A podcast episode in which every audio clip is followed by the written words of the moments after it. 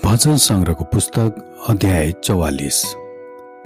रक्षाको निम्ति प्रार्थना। सङ्गीत निर्देशकको निम्ति कुरह वंशीको मस्किल।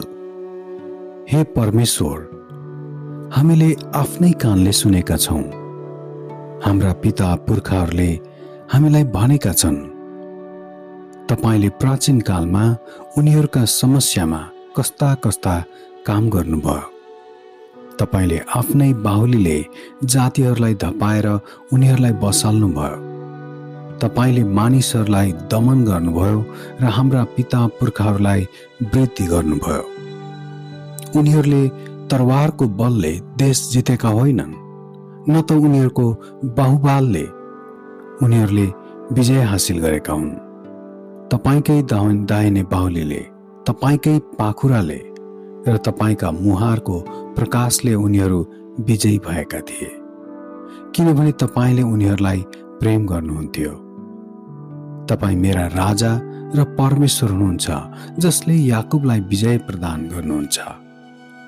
तपाईँद्वारै हामी आफ्ना विरोधीहरूलाई पछाडि धपाउँछौँ हाम्रा विरुद्धमा उठ्नेहरूलाई हामी तपाईँकै नाउँले कुल्चदछौँ। आफ्नो धनुमा म भरोसा गर्दिनँ। मेरो तरवारले मलाई विजय दिँदैन। तर तपाईँले हामीलाई हाम्रा शत्रुहरूमाथि विजय दिनुहुन्छ र हाम्रा विरोधीहरूलाई शर्ममा पार्नुहुन्छ। परमेश्वरमा नै हामी निरन्तर गर्व गर्छौँ र सदा तपाईँकै नाउँको प्रशंसा गर्नेछौँ। तर अब तपाईँले हामीलाई त्यागेर हामीलाई दिन तुल्याउनु भएको छ। र तपाईँ हाम्रा सेनाहरूलाई साथ दिनुहुन्न। तपाईँले हामीलाई शत्रुहरूबाट पछि हट्ने तुल्याउनु भएको छ र हाम्रा विरोधीहरूले हामीलाई लुटेका छन्।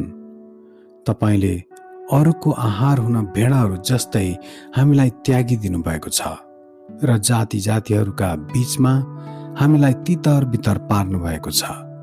तपाईँले हाम्रो आफ्नो प्रजालाई नाम मात्रको मूल्यमा बेच्नु भएको छ। र तिनीहरूको बिक्रीबाट तपाईँलाई कुनै लाभ भएको छैन।